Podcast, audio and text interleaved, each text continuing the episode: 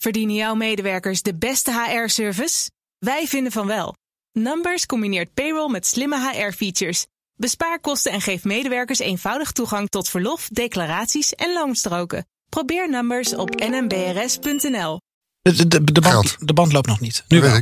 Oké. De Perestrooikast. Een blik op Oost-Europa.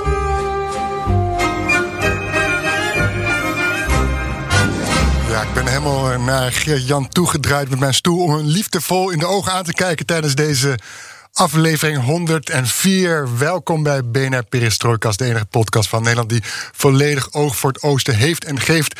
En je staat om het, op het punt om te gaan luisteren naar een interview... met een van onze geliefde gasten. Ja, want zo mogen we Jenny-Jan Hotland wel noemen, correspondent voor de Volkskrant. Hij verruilt Midden-Europa na 4,5 jaar voor het Midden-Oosten. En wat waren nou zijn mooiste verhalen uit het hart van Europa? Wat kunnen we daarvan leren? Mijn, stelling is altijd: steden hebben, steden hebben eigenlijk geen geheugen. Eh, grof gezegd, eh, steden moeten zichzelf iedere dag opnieuw uitvinden. Dat is ook belangrijk en dat maakt ze ook fris en, en, en nieuw en leuk. Eh, maar op een platteland ja, weten mensen nog hoe het was tijdens het communisme. Weten mensen nog hè, wat hun opa of oma meemaakte in het verzet. Ehm, eh, mensen hebben echt nog verhalen die decennia teruggaan. En dat maakt het voor een verhalenverteller of een, of ja, een journalist toch wel heel aantrekkelijk om met die mensen in gesprek te gaan.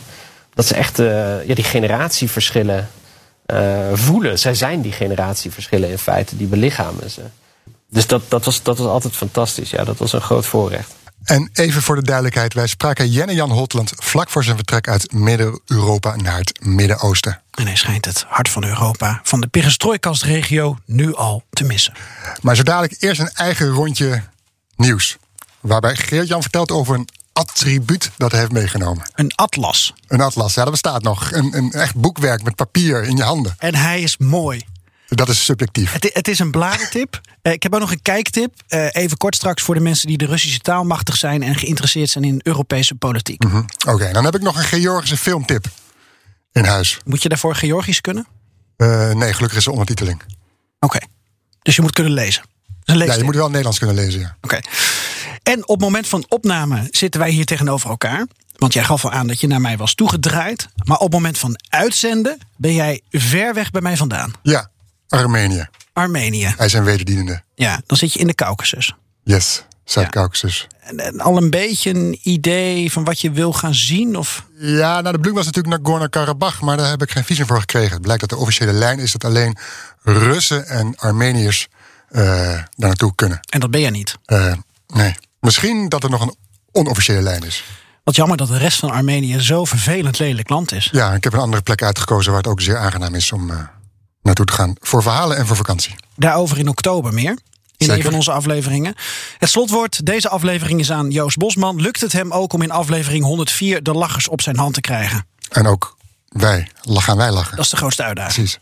En je weet het inmiddels, alles ten oosten van de rivier. De Elbe kan de komende weken, maanden, jaren in deze podcast worden besproken. En wat leuk is, is dat we heel sociaal en democratisch zijn. En dat je ideeën kunt inbrengen via Twitter, Perestrooikans. Of mail ons op perestrooikast.bnr.nl. En daar doen we nog wat mee ook. Mijn naam is Floris Akkerman Ik ben Geert-Jan Haan. en dit is BNR Perestrooikast. Ja, Floris, we beginnen dit nieuwsoverzicht in Polen. Want daar komt mijn attribuut vandaan.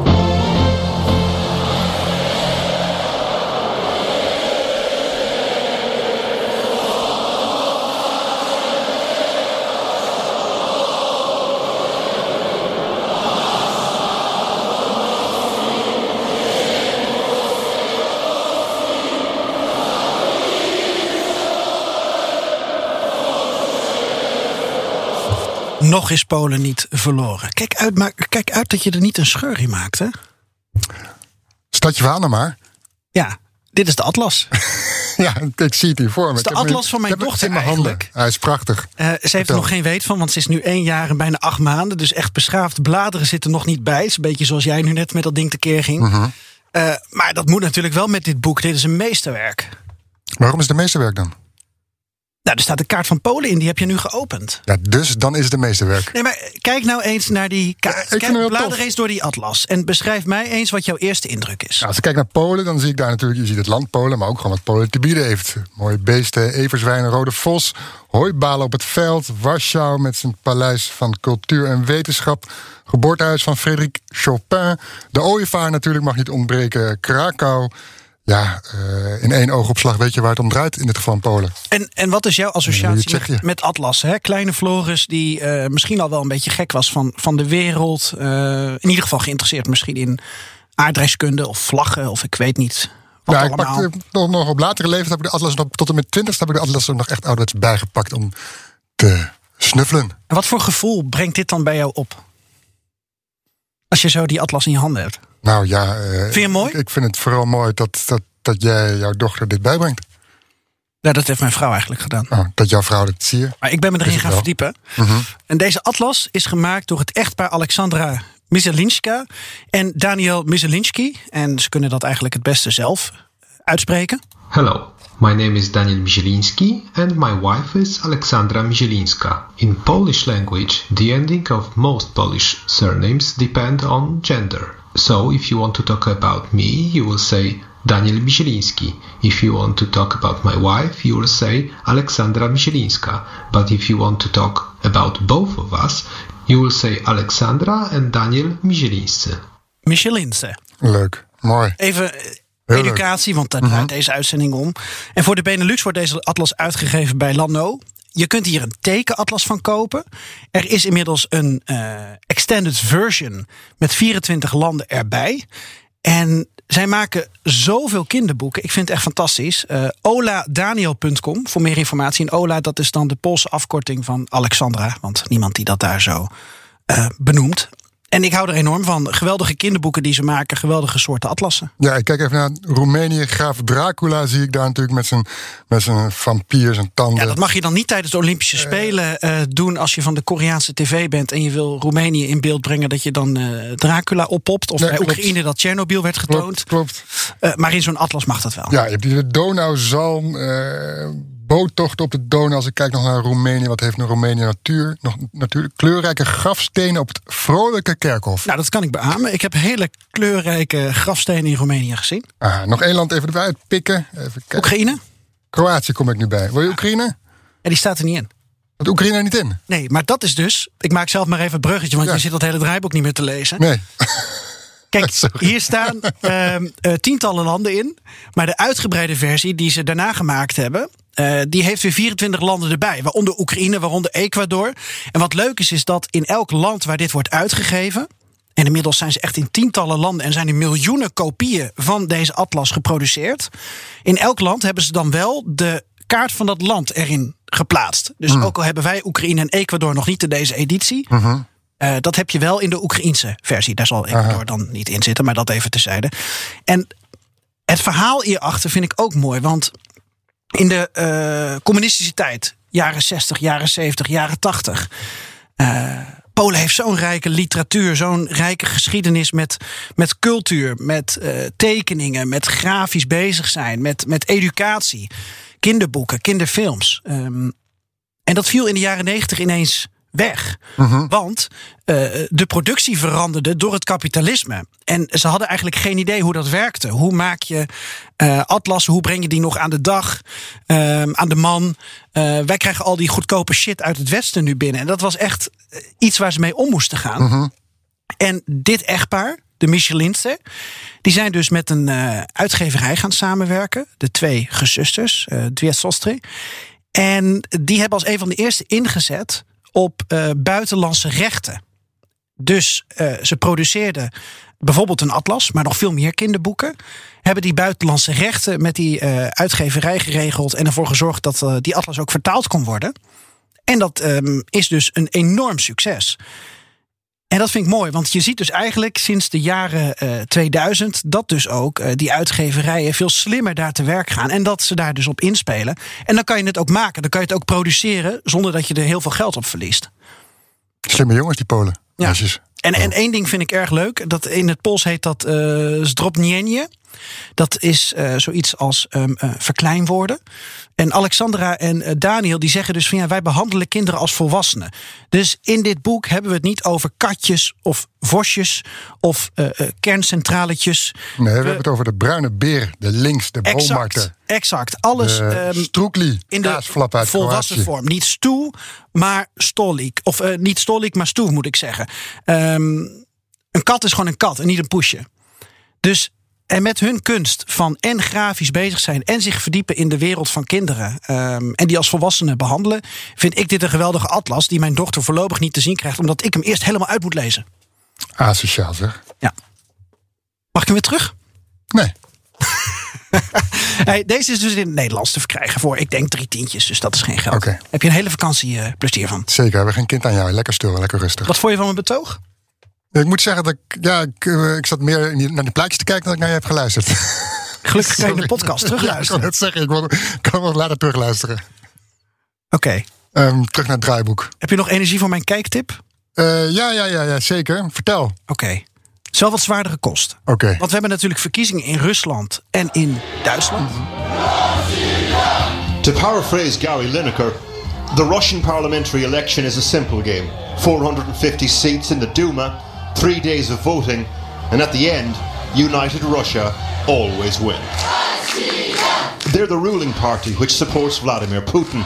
This was the mayor of Moscow celebrating with party supporters last night. Putin, Putin. En ik zag bij Deutsche Welle uh, een, een toevallige vriendin van mij, dus dit is misschien een beetje uh, vriendjespolitiek. Uh -huh. Een vriendin van mij die werkt voor Deutsche Welle. Dat is een uh, Russische die uh, al heel lang in Duitsland woont. En die hield daar een, een debat over uh, Rusland, Wit-Rusland en Oekraïne. En wat de Duitse verkiezingen eventueel kunnen betekenen uh, uh-huh. voor de relatie met die landen. En ik wilde je daar een klein stukje van laten horen. Uh, 27 seconden. Dit is gedeputeerde Lagodinsky. Ik verwacht van jou zo de vertaling. Первая причина – это, конечно, солидарность с Украиной. Если мы не видим э, возможности рычага э, каким-то образом повлиять и предотвратить ситуацию, э, когда Москва будет использовать этот газопровод для того, чтобы отключить как бы э, стратегическую важность украинских партнеров, э, это уже не окей. И то же самое касается нашего зависимости от газа. А вместо того, чтобы инвестировать в новые э, возобновляемые источники энергии… Не окей. Okay. Ja, dat gaat ook over de Russische gas dat moet in worden ingevoerd. Nord Stream. Ja. Maar dit is op Deutsche Welle. Ja. Maar het is in het Russisch. Neem maar dat er wel iets van een Duitse vertaling onder is. Dan toch? Nee. Anders heb je als Duitse kiezer er niets aan. Nee, maar Deutsche Welle is net als bijvoorbeeld uh, Euronews of uh, Radio Free Europe, Radio Liberty in heel veel verschillende talen uh, toegankelijk. En er zijn natuurlijk heel veel mensen in Duitsland die Russisch spreken. Dat zijn er miljoenen. Is dat echt een kiezers, uh, hoe zeg je dat? Uh, die nog van Russische origine zijn. Een kiezersdoelgroep, hoe zeg je dat? Een achterban? Een, een kleine, ja. Waar je, waar je, punten mee kan scoren, waar je het verschil mee kan maken? Ik denk het wel. Maar goed, dit was een debat met uh, afgevaardigden van de Groenen, van de Christen-Democraten en van de Sociaaldemocraten, denk ik. En drie Russisch-talige of Russisch-sprekende. -huh die het dus hadden over Rusland, Oekraïne, Wit-Rusland, uh -huh. Nord Stream 2. Ook aan de gebeurtenissen aan de grens bij Litouwen en Polen. Dus het is heel interessant, omdat je dus in het Nederlandse debat eigenlijk um, die discussie eigenlijk bijna nooit hebt. Nee. Heel erg nationalistisch georiënteerd. Nationaal georiënteerd. En daarom vond ik dit zo'n mooie kijktip. En ik zet hem in de show notes. Doe dat. Jij nog wat op te merken, aan te melden? Op dit fragment? Nee, over je eigen fragment. Ja, zeker. And Then We Dance. Ken je die film? Nee.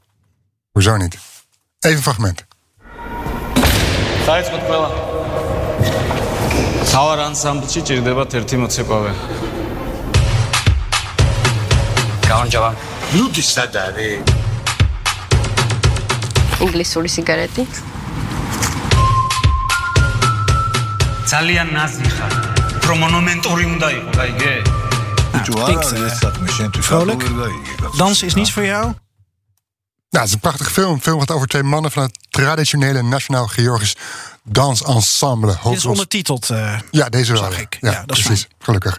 Met hoofdrolspeler Mirab en uh, Irakli, die opeens komt, uh, erbij komt bij het ensemble.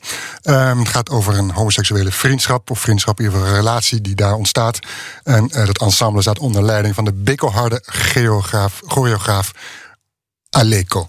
Um, Actueel thema. Precies, dat wil ik net zeggen. hè. Dat zagen we deze zomer ook al met honderden demonstranten die de straat op gingen in Tbilisi om tegen Pride Mars eh, eh, eh, in te hakken, om het zo maar even te zeggen, die daar was gepland. En ze kwamen daar in bots met politie, werden, journalisten werden aangevallen en natuurlijk de tragische dood van die cameraman eh Lashkar Rava. Die stierf nadat hij was geslagen tijdens zo'n eh, anti-LGBT-mars. Ehm, Ja. Geeft aan, hè, die premier van de Georgische pre- premier, eh Irakli Gar- Garibashvili. He- zich- heeft de, heet de hoofdrolspeler Irakli omdat die premier ook Irakli heet? Dat weet ik niet. Nee, die, die film is natuurlijk al die, eerder die gemaakt. film is van 2019. Maar de hoofdrolspeler is eigenlijk Merab. Dat is de, dat is de, de, belangrijkste danser van het, eh, van het ensemble. En dan komt er opeens Irakli komt van buitenaf. Dat dansensemble eh, komt daarbij. En die neemt eigenlijk die hoofdrol van Ja, ja. Merab over. Maar ondertussen eh, ontstaat er dus een, relatie tussen die twee. En ja, dan zie je nog, en even nog terug naar die mars. Hè. Die premier had zich uitgesproken tegen die mars en beschreef deze als onaanvaardbaar voor een groot deel van de Georgische samenleving. En dat zie je ook terug in die film, hè, en Then We Danced. Eh, Als erachter komen, de collega's van het dansensemble van Mirab, eh, dan, ja, dan ontstaat een vijandige relatie of situatie met hem. En dan zijn ze hem liever kwijt dan rijk. en ze denkt erover na om te vertrekken naar het buitenland. Ehm het is, het, is, het is een mooie film, hoewel natuurlijk de relatie homoseksualiteit binnen een dansgezelschap en de acceptatie daarvan in de samenleving natuurlijk een beetje uitgekoud thema is. Je wordt emotioneel van. Ik word helemaal emotioneel, ja.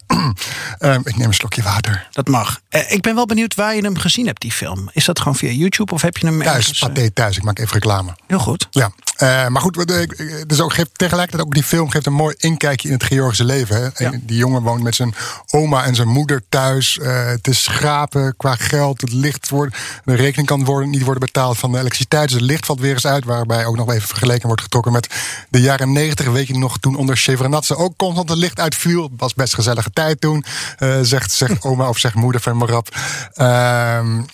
Geen kali zie je schalen voorbij gaan. Een lange eettafel met vrienden. Tbilisi het leven op straat en het uitgaansleven. Feesten, de traditionele Georgische dans.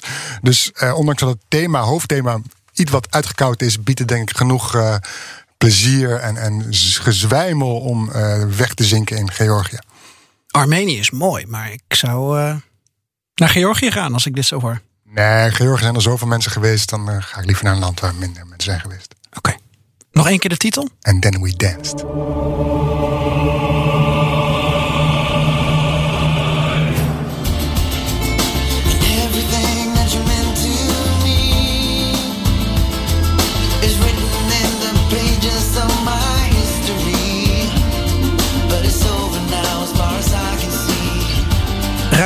12 jaar was hij de vicegrantman voor de Volkskrant. Warschau en Boedapest waren zijn standplaatsen. En die standplaatsen verruilt hij nu voor Beirut. Met veel plezier hebben we Jenne Jan Holtlands enkele keren mogen horen in de Peerstrooikast. Dit zal de laatste keer zijn dat deze fan van Jozef Kieprits, Bulgaarse Zuurkool en Buurman en Buurman ons te woord staat. Met zijn eigen top 5 aan verhalen die wat hem betreft naast de artikelen over schending van rechtsstaat, inperking van persvrijheid en corrupte politici ook een beeld schetsen van het hart van Europa.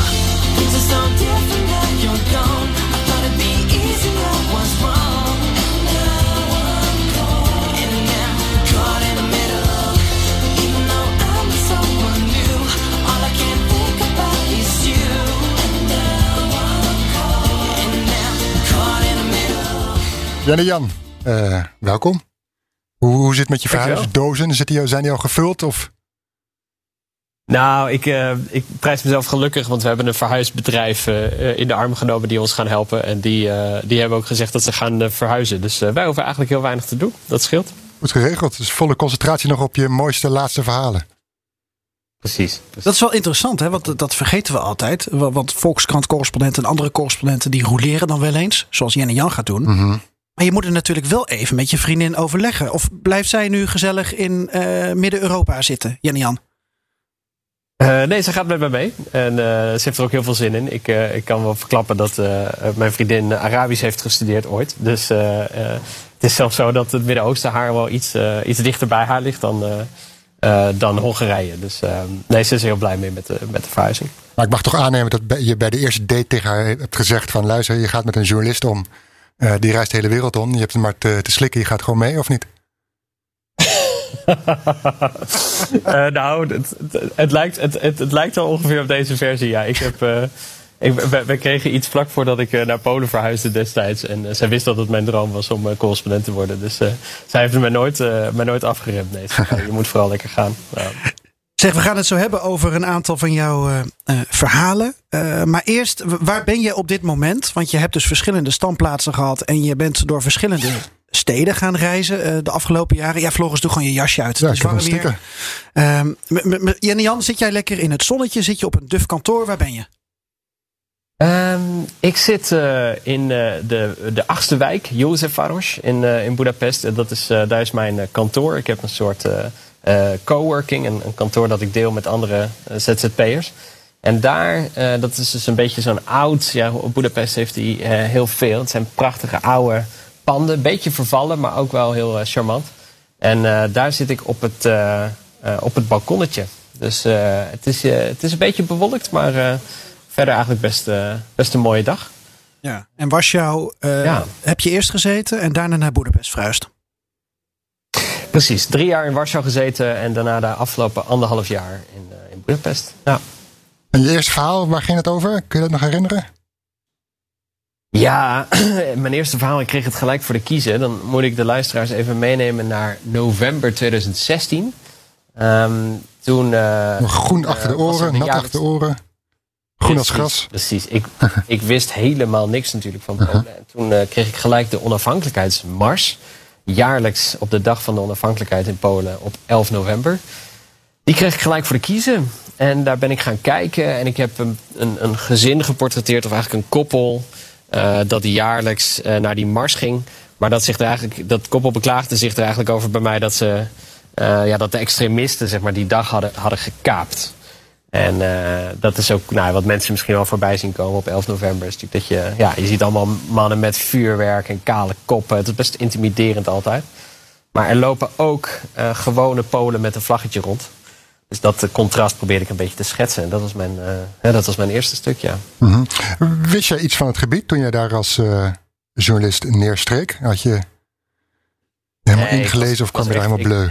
Ik was, ik was echt nat, nat achter de oren, Floris. Mhm. Eh, ik wist ontzettend weinig. Kijk, wat ik wist, en dat, dat, dat prikkelde mij. Wat ik wist was dat natuurlijk Fidesz aan de macht was in, in Hongarije. En dat in, in Polen dat het ook rommelde. Omdat PiS eh, toen net een jaar, gele- jaar daarvoor de verkiezing had gewonnen. Dus ik dacht wel, ik, vol, hè, ik, ik had wel de indruk dat er iets te, te gebeuren stond in de regio. En dat heeft me ook wel een beetje over de streep getrokken. Ik dacht, god, dat, dat moet ik, ik, wil- ik wilde eigenlijk wel wat dichterbij zijn. Ik wil dat eigenlijk wel van dichtbij meemaken.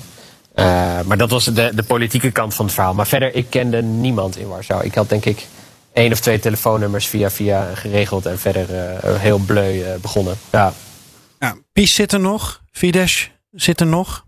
Ehm, zit er nog. Ja. We, we gaan eh, de afgelopen 4,5, 5 jaar van jou Opgelucht bespreken. halen ze adem nu, nu Jenny Jan vertrekt, denk ik. Of niet? Ja, of niet. nee. Eh, wind of change, hè? Ehm, nee, maar we, we gaan eh, de afgelopen jaren eens analyseren aan de hand van een aantal verhalen. We hadden natuurlijk aan jou kunnen vragen: hoe kijk je naar het afgeleiden van de rechtsstaat in Polen? Hoe kijk je naar eh, grote Orbán en, eh, en mini-Orbán? Ehm, dus Hongarije en Slovenië. Ja, Slovenië was niet helemaal jouw werkgebied trouwens. Hè? Dat is bij de Volkskrant net weer anders verdeeld, geloof ja, ik. klopt. Ja. Ja, ja, ja, dat wordt door, gedaan door mijn collega in, eh, in Rome om Ja. het ingewikkeld te maken. Ja, nou goed, dan laten we dat eh, terzijde. Eh, we hadden je kunnen vragen naar corruptie en vriendjespolitiek in, in Roemenië en, en Bulgarije. Maar wat jou volgens mij ook dreef, was dat je graag ook andere verhalen wilde vertellen. Echt op pad wilde, echt reportages wilde maken. En dan, dan kwam die politieke analyse, die, die werd dan vanzelf wel daarin verweven, maar dan door de mensen zelf. Dat was een beetje jouw stijl volgens mij. Ja, dat, dat zeg je mooi. Ik, ik denk, wat, wat ik eh, geweldig altijd heb gevonden, is het platteland op te zoeken. Dus eh, een van de dingen die ik merkte toen ik in Warschau ging wonen en, en ook hier in Budapest is dat niet zo, niet zo anders, is dat de meeste correspondenten die zitten in de hoofdsteden. Ehm, en die komen daar ook veel te weinig weg. En ik wilde daar eigenlijk voor, eh, voor waken en ik wilde zoveel mogelijk naar het platteland. En de verhalen die ik voor jullie heb uitgekozen, die waar we het dan straks eh, over gaan hebben, zijn ook denk ik voorbeelden daarvan. Dat ik ja, eigenlijk heel bijzondere eh, mensen tegenkwam op het platteland. Eh, ehm, en het aardige van, van het platteland vind ik ook dat je merkt dat mensen een geheugen hebben. Hè? Dus, dus mijn stelling is altijd: steden hebben, steden hebben eigenlijk geen geheugen. Eh, grof gezegd, eh, steden moeten zichzelf iedere dag opnieuw uitvinden. is ook belangrijk en dat maakt ze ook fris en, en, en nieuw en leuk. Eh, maar op het platteland ja, weten mensen nog hoe het was tijdens het communisme. Weten mensen nog hè, wat hun opa of oma meemaakte in het verzet. Ehm, eh, mensen hebben echt nog verhalen die decennia teruggaan. En dat maakt het voor een verhalenverteller of een, of ja, een journalist toch wel heel aantrekkelijk om met die mensen in gesprek te gaan. Dat ze echt eh, ja, die generatieverschillen eh, voelen. Zij zijn die generatieverschillen in feite, die belichamen ze. Ehm, dus dat, dat, was, dat was altijd fantastisch. Ja, dat was een groot voorrecht. Oké, je, hebt, je hebt speciaal voor ons een top 5 van, eh, aan verhalen geselecteerd. Ehm, die gaan we even één voor één met je bespreken. En aan daarvan het door jou verlaten werkveld analyseren. En we zetten ze in de show notes. Hè? Dus dan kunnen de luisteraars de verhalen erbij pakken als ze een, eh, een abonnementje of een, eh, een inlog eh, van iemand hebben gekregen voor de Volkskrant. Ja, en dit is een willekeurige volgorde neem ik aan. Het is niet zo dat we naar de aftellen van 5 naar 1. eh, als een, Nee, als, precies. als, als een eh, liedjesprogramma. Nummer 5. Precies, ja.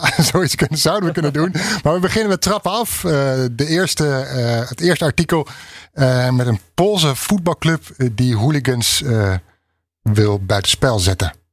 Ja, ja. ja dat gaat over Waarom AKS. Ja, dat gaat over AKS Zwe, eh, op zijn Pools uitgesproken. Eh Zwe betekent eh, slecht of, of, of boosaardig. Ehm, eh, en, en dat hele, ja, die, die club die bestaat nog steeds. Ehm, eh, dat hele Zwe, dat, hele, dat is een soort spelletje met woorden. Zwe verwijst naar een, een cultboek in Polen van Leopold Teermant. Eh, dat komt uit de jaren 50. Nou, ik, ik ga de luisteraars daar verder niet, niet, niet mee lastigvallen. Dat, dat boek is volgens mij ook helemaal niet in het Nederlands vertaald. Maar, ehm, eh, maar het is wel een, ehm, eh, ja, een heel beroemd boek in, in Polen. En die voetbalclub, daar hoorde ik van via via. Ik, weet nog tijdens een borrel dat een Roemeense collega van mij daarover vertelde. En dat ik dacht, god, dat klinkt ongelooflijk leuk. En ook wel een beetje, ehm beetje tang in cheek. Want die voetbalclub die is heel anders dan, wat, dan alle andere clubs in, in, in Warschau of in Polen. Die zeiden eigenlijk vanaf het begin af aan, wij hebben geen eh, voorzitter. Wij zijn democratisch. Alle beslissingen worden eh, bij consensus gemaakt. eh, worden bij, bij consensus genomen. Buitenlanders zijn heel nadrukkelijk welkom. We zijn antiracistisch. We zijn anti-hooligans inderdaad. Het is heel egalitair en heel... ehm, ja, hoe moet je het zeggen? Echt een, eh, een bijzonder experiment eigenlijk. Eh, ze hebben ook wat subsidie gekregen. Ze gingen met vluchtelingen werken. Eh, toen ik daar langs ging voor het eerst, toen hadden ze een Palestijnse coach. Wat ook wel ja, veelzeggend is, denk ik, in het verder extreem witte Warschau. Dus ik vond dat een, een, een, een verademing. Ik vond het heel leuk. Ik vond ze fris. Ik vond ze. ze hadden leuke ideeën. En ehm, daar ben ik naartoe gegaan met mijn fotograaf, Piotr Małecki. Ehm, vaste fotograaf bij eigenlijk al mijn Poolse reportages. En ehm, ja, dat was een ontzettend leuk verhaal om te maken. Ook omdat het, nou, wat jullie net al schetsten. Ik heb heel veel over de neergang, de democratische, rechtsstatelijke neergang van Polen geschreven. En ja, dit was echt een verhaal waar, waar ik vrolijk van werd. Met, met één zin waarin je dat samenvat, Jenne Jan. Eh, daarmee is AKS de bonte kanarie in een voetbalvolière die samen te vatten is als wit, extreem rechts, racistisch en homofoob. Ja, ja, ik, ja het is, klopt. Grappig. Ja, dit, ik ben alweer vergeten dat ik het zo had geschreven. Want dit, dit verhaal is uit 2017 volgens mij. Dus dat is ook weer vier jaar geleden. Ja. Ehm, maar ik ben altijd wel terug blijven gaan naar die club. Ik, heb, denk ik, ik ging vaker naar thuiswedstrijden. Ik kreeg, een, ik kreeg een sjaaltje. Ik stond er langs de lijn. En het was gewoon, dat, dat was ontzettend leuk altijd om daar gewoon een middag door te brengen. Eh, ze hebben ook hele leuke liedjes. Die komen ook voor in die tekst, in de reportage. Citeer ik die ook. Ehm, eh, voor, voor de mensen die een beetje weten hoe, hoe dat werkt in de voetbalwereld. Zij hebben zich laten inspireren door Sankt Pauli. eh, heb ik me laten vertellen. En dat is ook zo'n club in Duitsland die bekend staat als, als, als ja, eigenlijk anti... eh, anti-mainstream. Hè? Dus ze willen niet meedoen in, in die, in die voetbalcultuur die toch wel heel erg rust op machismo en, en veel ja, geweld en veel hè, mannelijkheid en, en, en schreeuwen en dat soort dingen. Je mag dus ook bij AKS bijvoorbeeld tijdens de training mocht je niet eh, schelden, dat soort dingen. Je mocht niet vloeken. Ehm, iedereen is gelijk.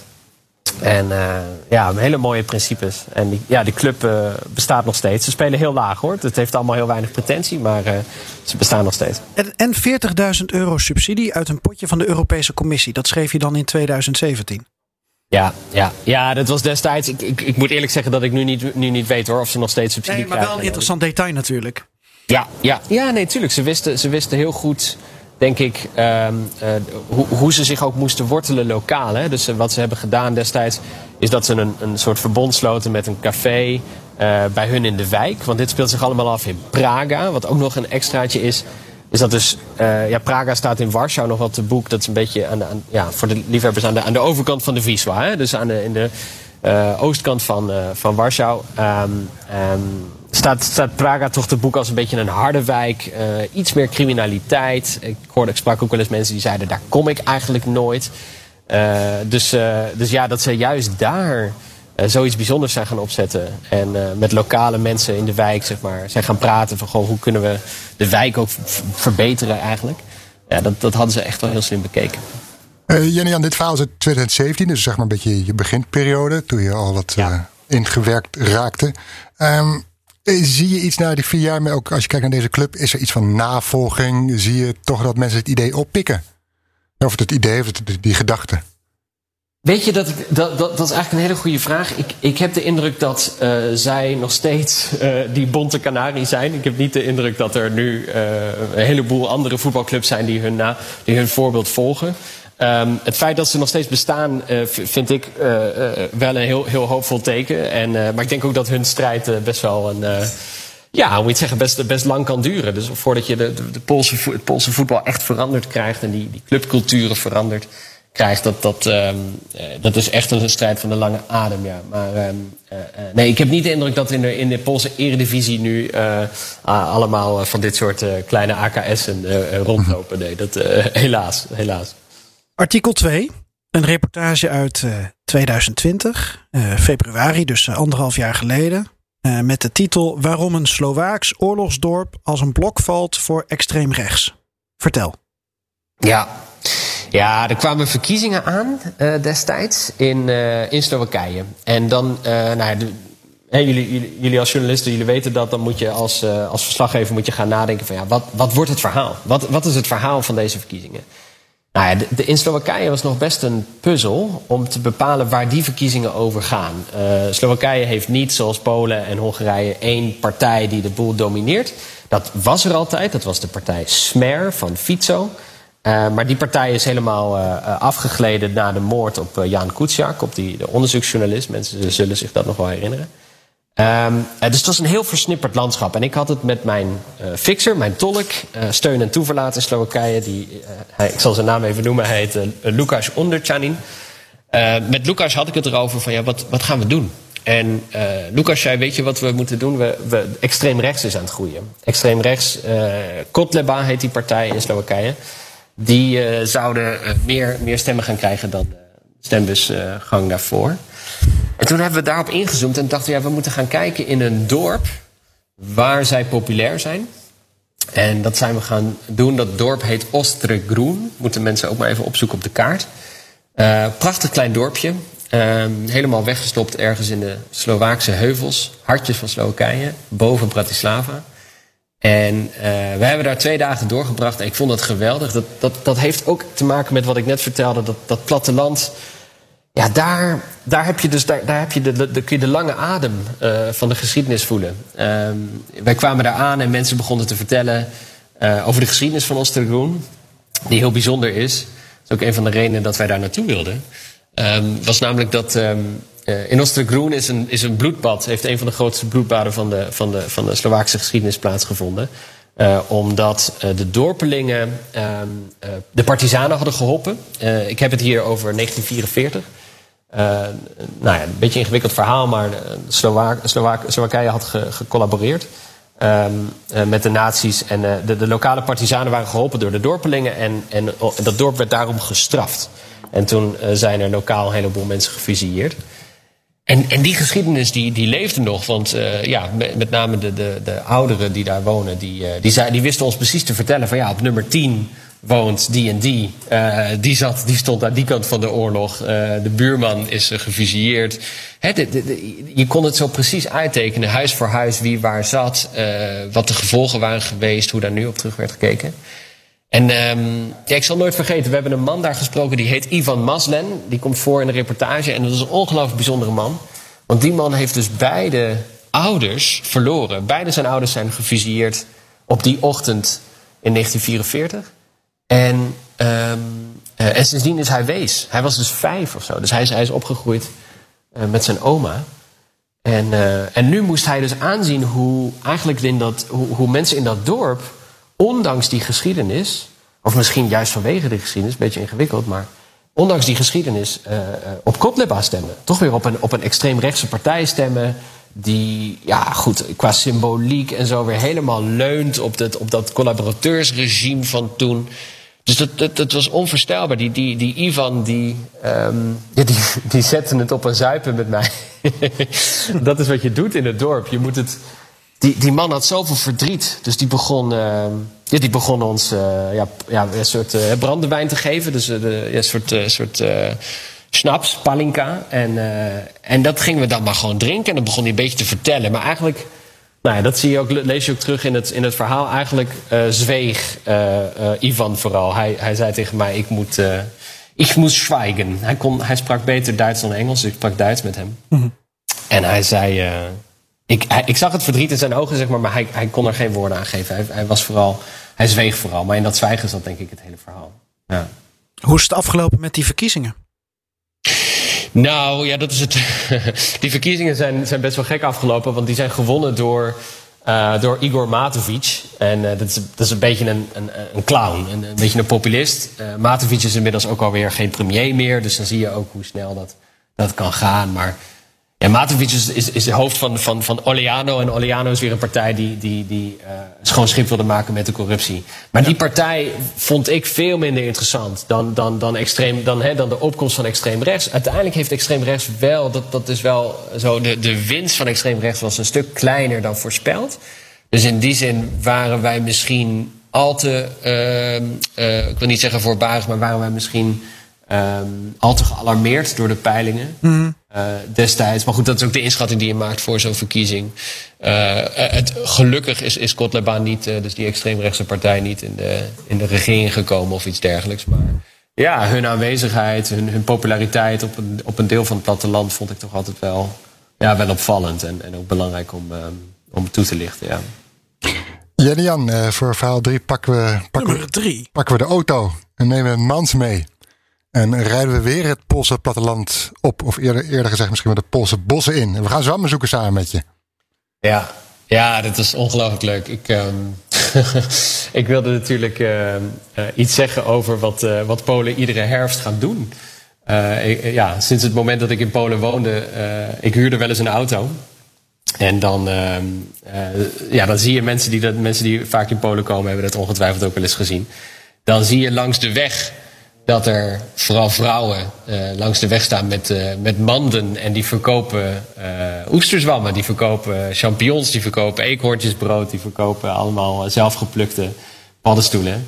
En ja, polser, dan, polser dan, dan het verzoeken van paddenstoelen wordt het niet, jongens. Dat is echt het echt pure folk, folklore. Jij hebt ook paddenstoelen gezocht, gezocht of geplukt? Ja, ja, dus, ja, dus voor dit verhaal, ik dacht ik ga zelf de bossen in. Ik ben meegegaan met een, eh, met een vriend van mij, iemand die ik via via kende. En die, eh, die, die deed dat heel fanatiek, die deed dat ieder jaar. En eh, die heeft ons de fijne kneepjes bijgebracht. Ehm, eh, Zoals? Je moet dus, eh, nou, zoals, ja, je moet, goh, joh, dit is ook weer een jaar geleden, ik moet even goed nadenken. Maar je moet dus aan de onderkant, ja, let wel, hè, je moet dus de paddenstoel aan de onderkant vast, vastpakken. En dan voelen wat voor textuur daar zit. Als daar een soort spons zit, dan moet je hem zeker niet plukken. Maar als het iets eh, ruwer is, zeg ik het goed? Ja, dan, dan, dan heb je een goede kans. Bij twijfel, dit is ook de, verreweg de belangrijkste les, eh Floris, moet je goed luisteren. Ja, ja. Bij twijfel moet je likken. Als je, als je likt, dan kun je de, eh, een beetje de zuurgraad zeg maar, eh, van, die, van die paddenstoel eh, eh, eh, eh, proeven. En, eh, en dat, eh, dat kan de doorslag geven. Dus Je, je likt aan, de, aan het dakje, zeg maar, of aan de steel? aan het dakje, ja, aan het dakje. Heb ja. jij nooit een reportage in Rusland gemaakt hierover? Nee, nu, nu je het zegt, eh, nee. Ik heb wel veel gezien, eh, maar ik heb er nooit wat over geschreven. Dit is eh, Ook Russisch, ja. natuurlijk heel groot in Polen, maar Zeker. eigenlijk in meer landen in Centraal- en Oost-Europa. En dit staat eigenlijk wel hoog op het lijstje altijd van elke correspondent. correspondent Ja, misschien heb ik het daarom niet gedaan. Al die clichés van die correspondenten die over paddenstoelen moeten schrijven. En zo, ja. vodka drinken Precies. en zo. ja. Dat is ook belangrijk. Maar dat is wel. ja, Jenny Jan, de- de- wat correspondenten en, en reizende journalisten doen, dat is vaak ehm, actualiteit volgen. En er is altijd een soort schaduwlijstje met verhalen die je toch tijdens je periode in dat land heel graag wil maken. Precies. En dit was er dus één? Ja, zeker. Dit was er één. Ik ben ook een keer, die heeft de top 5 niet meer gehaald. Maar ik ben ook naar een, eh een eh, bar Mleczny geweest, hè, een melkbar. Oh ja, natuurlijk. Eh, dat zijn de, de Poolse gaarkeukens. Nou, dat, da- daar, heeft, daar, daar ging mijn hart natuurlijk ook naar open. Dat zijn, dat zijn ook heerlijke plekken, typisch Pools. Ehm, nee, dus dat, dat was fantastisch. Het, het was heerlijk om eventjes het nieuws inderdaad links te laten liggen. En eh, echt in te zoomen op eh, ja, wat Polen beweegt om ieder jaar massaal de bossen in te gaan. Nou ja, dat zeg je nu Ehm. wel. Maar eh, dit verhaal is uit november 2019. En, en eh, de eerste 10, 12 linia's gaan inderdaad over, actuele, of, over eh, paddenstoelen plukken. Je haalt Adam Mickiewicz er nog even bij. En nou, één grote eh, ja, prozaïsche eh, tekst. Poolse zwanenzang. Maar dan... eh, ja, komt toch weer, eh, komen toch weer Poolse politici om de hoek kijken. Die dan weer foto's van, van, van boleten op, op Twitter plaatsen. verwijzen naar Frans Timmermans. Je kon het niet laten. Ja, nee, ik kon het niet laten. Nee, dat is ook zo. Dat was ik alweer vergeten. Maar inderdaad, er was toen een dame van PiS, van de regeringspartij, die het presteerde om inderdaad Frans Timmermans een veeg uit de pan te geven. Omdat hij zelf, want ik weet niet eens meer wat er stond, dat, dat, dat, dat, dat Timmermans nooit paddenstoelen plukte of zoiets. Of dat, nou ja, dat, dat, dat hij nooit kon komen aan de Poolse trots. Waar is de grootste vrijheid en democratie, meneer Timmermans? Ja, precies. Ja, dus dan zie je dat Polen koppelen dat die, die, die, die, die tochten door de bossen koppelen, aan, koppelen ze aan een soort eh, gevoelde vrijheid van dit is het summum eh, eh, van menselijke eh, vrijheidsdrang is, is dat je lekker paddenstoelen kunt. Ja, en omdat het in Nederland natuurlijk niet mag en je boetes krijgt. En dat kan hoog oplopen. Eh, En dan is dat natuurlijk in een of ander lokaal suffertje in Nederland. Komt dat langs, dan wordt dat misschien een keer door een, door een AD opgepikt. Maar in Ja. Polen is dat bijna voorpagina. Ja, dat had precies. Dus dat had, die, dat had die politica inderdaad gezien. Dat er in Limburg, meen ik. Ja. Goed, het gebeurt, ook, het gebeurt op meerdere plekken. Gaan er dan Poolse arbeidsmigranten die, die gaan toch paddenstoelen plukken. En dan worden ze door de Nederlandse boswachters op de, op de vingers getikt. Ja. Ja, ik maar mag hier in de duinen bij Zandvoort kan ik gewoon duindoornbessen plukken. Dat mag gewoon. Ja, maar nu weten ze dat je dat doet. Nee, dat mocht van de, van, van de boswachter, van natuurmonumenten. Echt waar? Ja. Maar dat was. Maar je mag het niet, je mag het op, op eh, privé. Het is niet zo dat je als restaurant daar eh, hele bossen, duindormbessen mee mag nemen en je voor je restaurant. Maar is dat niet, kan niet een soort overwoekerend soort ook? Dat dat dan geen probleem is als jij dat doet? Nou, weet ik niet, maar dat weet ik niet. Maar nou, dat- ik, ik ken trouwens een verhaal van mensen die bramen plukken. Maar dan ook met emmers langs het spoor lopen bijvoorbeeld. En daar zijn dan van die bramenstruiken. Maar dat mag dan weer niet. Je mag dus inderdaad misschien één emmertje vullen. ja, is, Maar het mag niet eh, de, de pan uit. nee, je mag niet de hele, hele struik leeg plukken. Nee. En eventueel ook dan voor commercieel gebruik Ja. gebruiken. Dat jij geen verhaal hebt geschreven hierover. Joh. Jij zit zo eh, in de pluk, Ja, in die zo, pluk ik zien. probeer maar te onderscheiden van, het, van, de- van de clichéjournalisten. Nou. Ken je Jan? Waarvan akte. Toch bedankt voor je bijdrage. Ehm, eh, nummer vier dan maar eh, doen. Want die herinner ik me Ja, nog heel skate, skateboarden doe ik dan niet. Ja, d- dit verhaal. eh, de skateboardende pastoor. Ehm, Ja. Die droomt van groot Hongarije om de kop even af te maken. Nou, brandlos. Ja, ja dit, was, dit was natuurlijk een cadeau, deze man. Hè? Dus we hebben het over ehm, eh, Zoltan Lendvai, lokaal ook wel bekend als Zolly. Eh, wat goed rijmt op Olly. Dus eh, eh, ja, de skateboarder, het lokale skateboarden, dat heeft hem ook wel beroemd gemaakt. Ja, bekijk de foto ook, hè. Die is echt geniaal. Ja, ja hij, hij, hij was ook wel verschrikkelijk fotogeniek. Hij, hij wist dat zelf ook wel. Hè? Dus deze man, dat zie je ook wel, lees je als goed is ook wel een beetje terug in het verhaal, is ook behoorlijk ijdel. Wist journalisten ook wel goed te, hoe moet je het zeggen, probeerde journalisten ook wel een beetje om de vinger te winden. Ik, ik kan jullie verklappen, dat gaat ook een beetje over de making of nu. Ehm, dat deze man in ruil voor een interview eigenlijk wilde dat de Volkskrant een skateboard aan de lokale gemeenschap zou doneren. Oké. En dat hebben we natuurlijk niet gedaan, eh, want dat, dat doe je niet als journalist. Ehm, eh, dus we hebben, we hebben het wel een beetje aan de stok gekregen met deze man. Uiteindelijk is het allemaal goed afgelopen hoor. Maar hij, hij verlangde wel een soort eh, eh, wederdienst. En dat, dat hebben we natuurlijk niet gedaan. We zijn hem gewoon gaan interviewen. Ehm, eh, maar ik zal het verhaal nog even, even van het begin af aan vertellen. Ik heb ooit een boekje gekocht, ehm, eh, hier in de, in de boekhandel. En dat ging over gewone Hongaren die bijzondere dingen hebben meegemaakt. En dat ging van over de tolk, ik, iemand, hè, de Hongaarse tolk van Helmoet Kool... die een keer eh, tijdens de Koude Oorlog een keer mocht tolken... eh, tot, eh, eh, nou ja, goed, een of andere... ehm, schapenherder of zo die, het nieuws had gehaald. Allemaal een beetje, beetje, ja, een beetje lullige figuren die dan toch iets, iets, iets van een levensverhaal te vertellen hebben. En daar zat dus deze man bij. Er zat een skateboardende priester bij. En toen dacht ik, ja, dit is, deze man is een verhaal. En toen bleek ook nog, en dat was helemaal fantastisch. Toen bleek ook nog dat hij eh, bezig was geld in te zamelen om een museum ehm, een Trianon museum te bouwen. Dus ehm, ja, moet ik even uitleggen natuurlijk. Hè, een museum gewijd aan het verdrag van Trianon.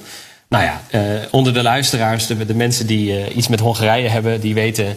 er is geen groter verdriet in in de Hongaarse geschiedenis dan het verdrag van Trianon... waarbij ze in 1920 eh, twee derde van hun grondgebied kwijt zijn geraakt. En ehm, ja, deze man wilde daar een soort schrijn, een soort, een soort, soort gedenkteken, een soort, soort een museum voor bouwen. En daar is hij ook mee bezig. Daar zijn we ook gaan kijken. En ehm, eh, ja, dat was de ultieme combinatie. Want hij, hij zijn, zijn, zijn, eh, hoe heet dat? Zijn kerk, zijn gemeenschap is dus in Redic. En Redic ligt aan de grens met Slovenië. Dus ook daar heeft Hongarije destijds met dat verdrag eh, grondgebied verloren. Dus wat nu eh, een stukje Slovenië is, was vroeger Hongarije. Eh, dus Redic ligt nu aan de grens, maar Redic lag vroeger eh, niet aan de grens. Hè, als dit nog een beetje te volgen is. Ehm, eh, dus, dus, dus ja, daar, bij die pastoor kwam eigenlijk alles samen. Eh, want Trianon was vorig jaar 100 jaar geleden. Ik wilde daar natuurlijk stil, bij stilstaan. En ik dacht, we gaan kijken bij die pastoor hoe die dat doet. Eh, met zijn skateboard, want dat is natuurlijk ja, dat is zijn, zijn hobby. Eh, met zijn museum en met zijn eh, ultieme Hongaarse melancholie. En naar het verleden.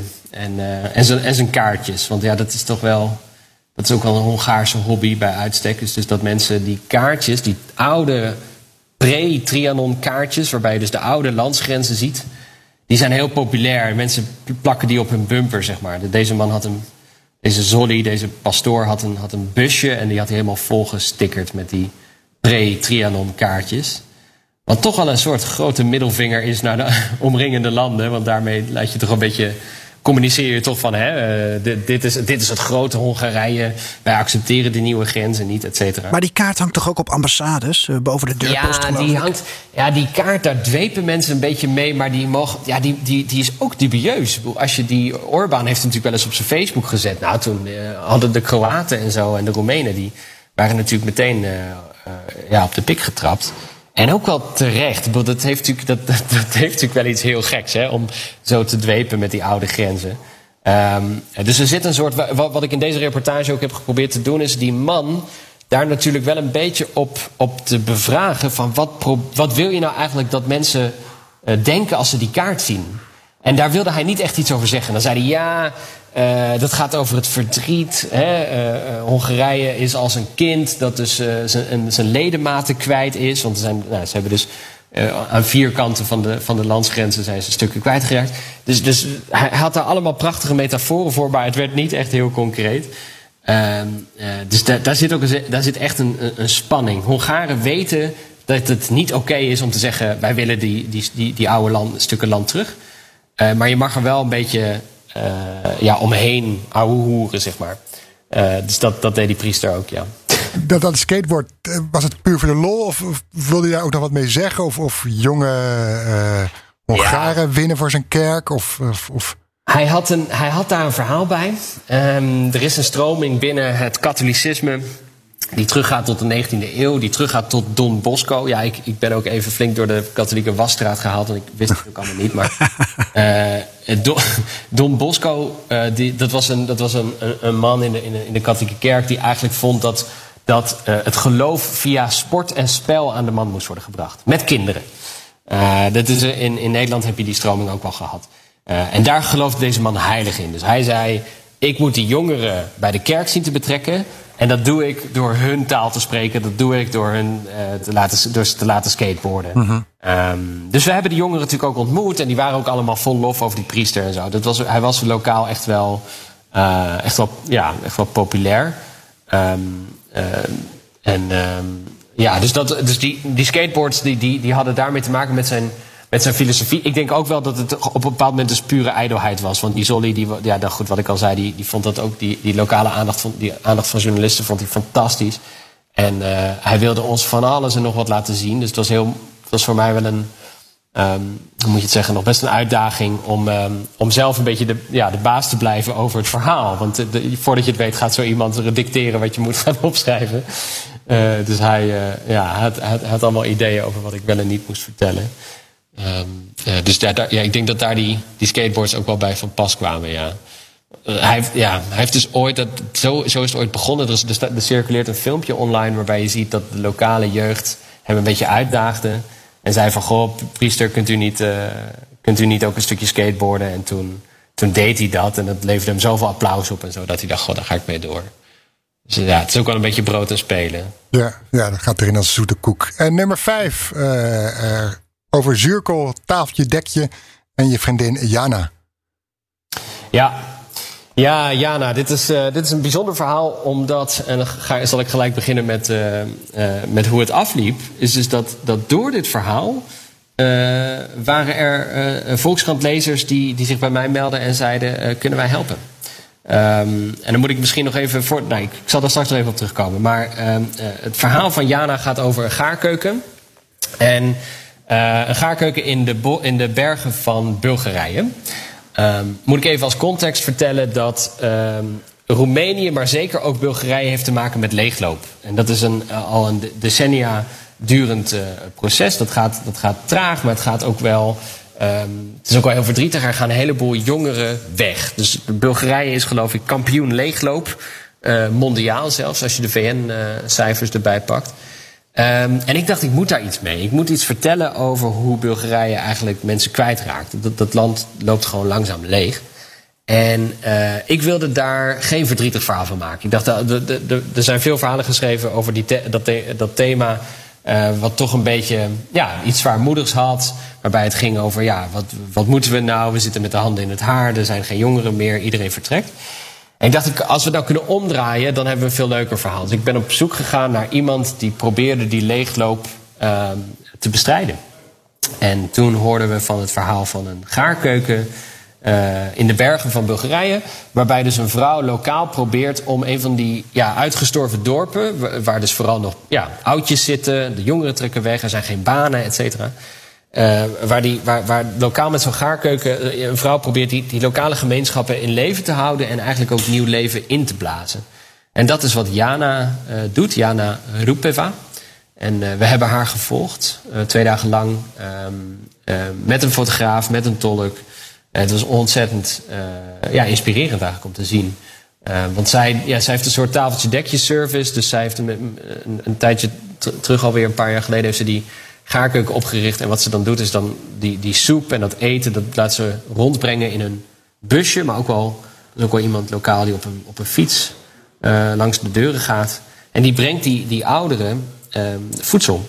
En dat is heel belangrijk, omdat die, ja, die oudjes die, die zijn vaak zo slecht ter been. En die zijn, hebben vaak niet meer de, de, ja, hebben geen sociaal netwerk. Die dreigen een beetje te verpieteren.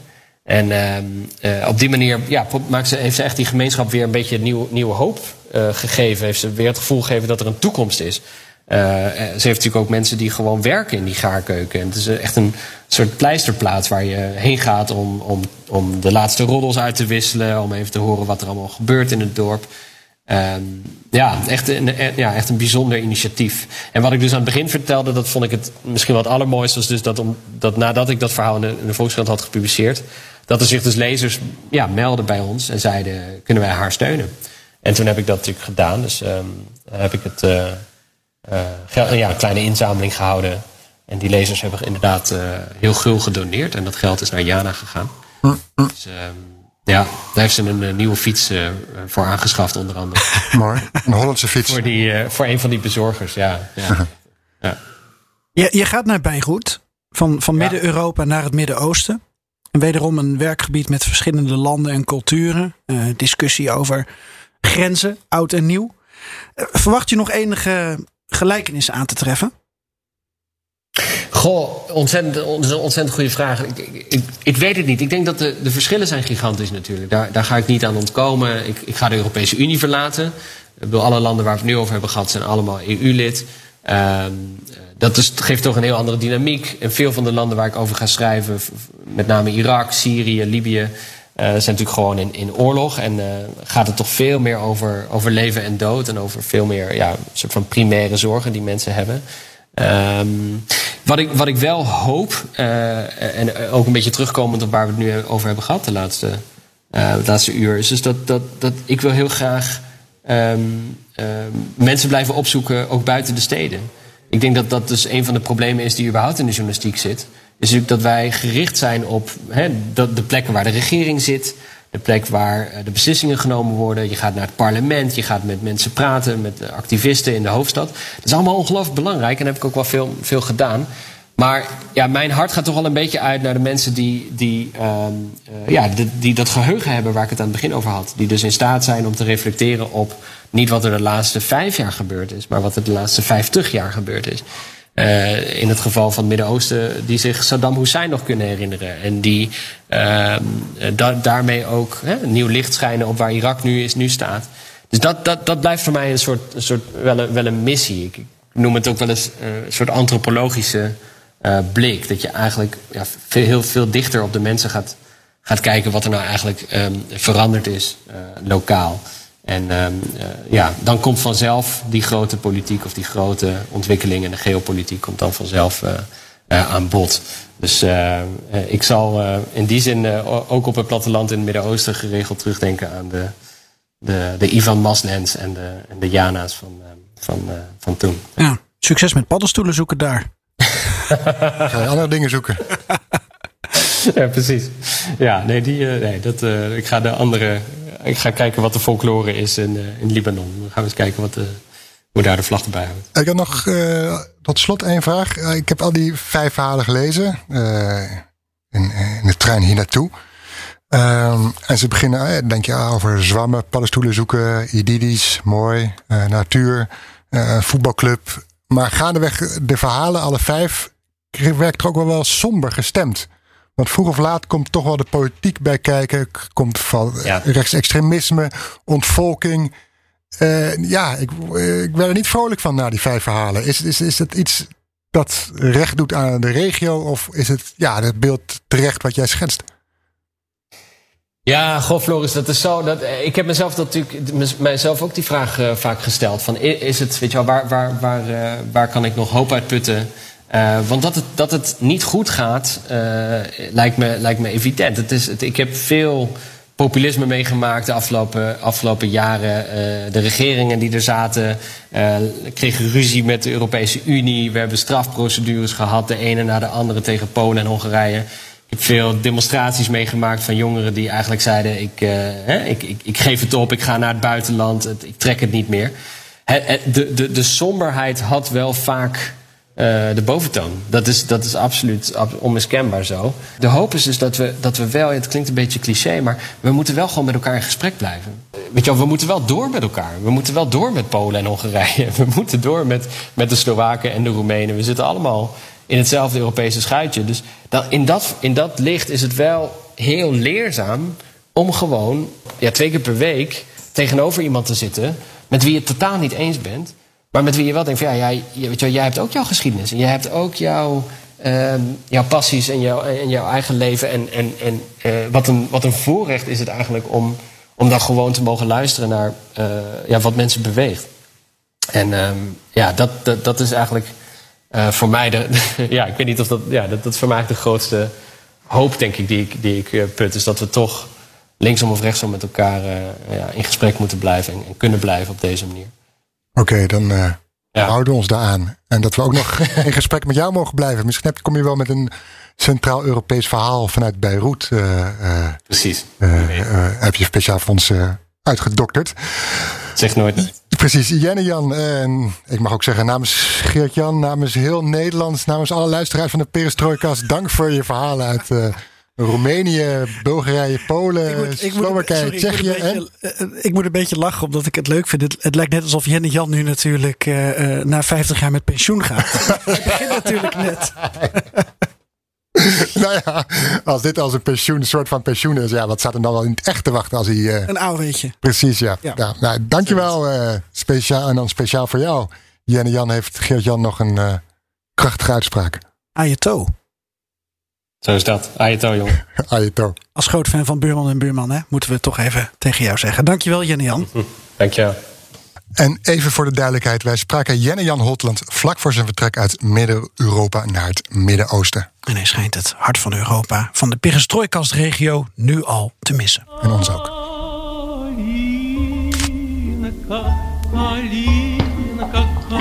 Nou, daar komt hij. Zoals jullie weten eh, zijn er Duma-verkiezingen in Rusland. En eh, ja, bij deze verkiezingen kunnen de mensen ook weer online gaan stemmen. En nu verspreiden telecomproviders eh, waarschuwingen tegen een nieuwe vorm van fraude. De boodschap luidt: de oplichters sturen je per mail of sms een link naar regeringspartij Verenigd Rusland. Als u op deze link klikt, loopt u het risico al uw laatste rechten en vrijheden te verliezen.